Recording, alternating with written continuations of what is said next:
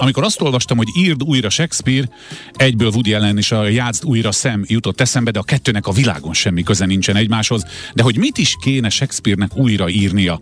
És vajon miért? És egyáltalán hogyan lehet megszólítani ennyi évszázad távlatából a klasszikus szerzőt?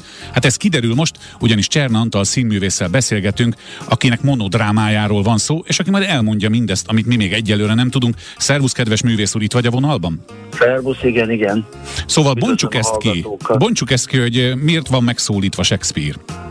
Hát magát ezt a címet a, a Sándor Anna ö, találta ki, mert Lackó Gábor az író ö, írt egy monológot Shylock effektus ö, címmel.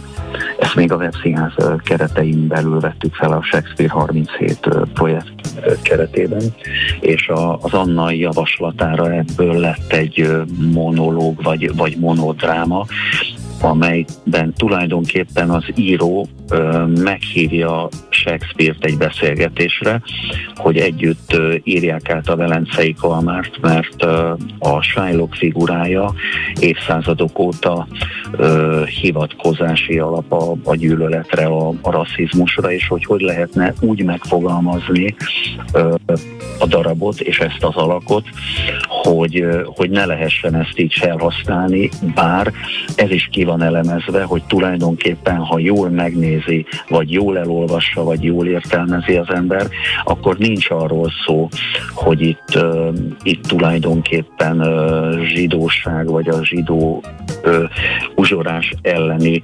uszításra írta volna a Shakespeare, de szerencsésebb, hogyha egy picit át, átírjuk a darabot. Mondom én az író nevében Shakespeare-nek, megidézve az ő, az ő szellemét.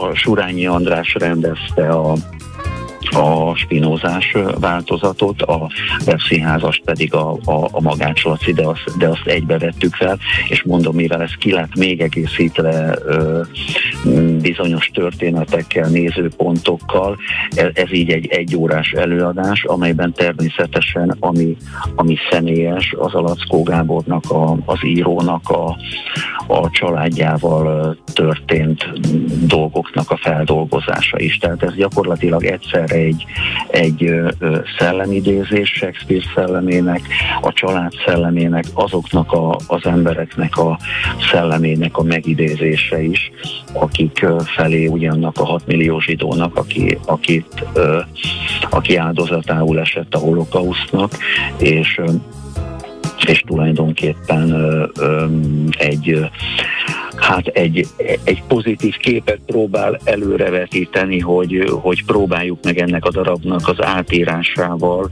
egyel kevesebbé tenni a rasszisták hivatkozási alapját.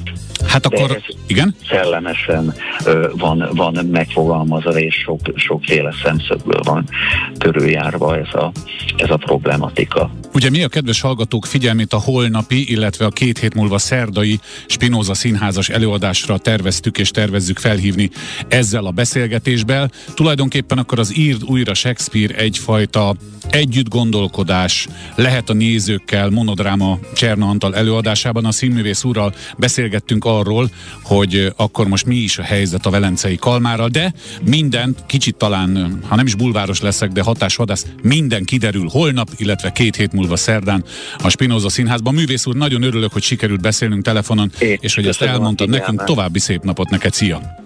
Viszont szia, minden hallgatót üdvözlök!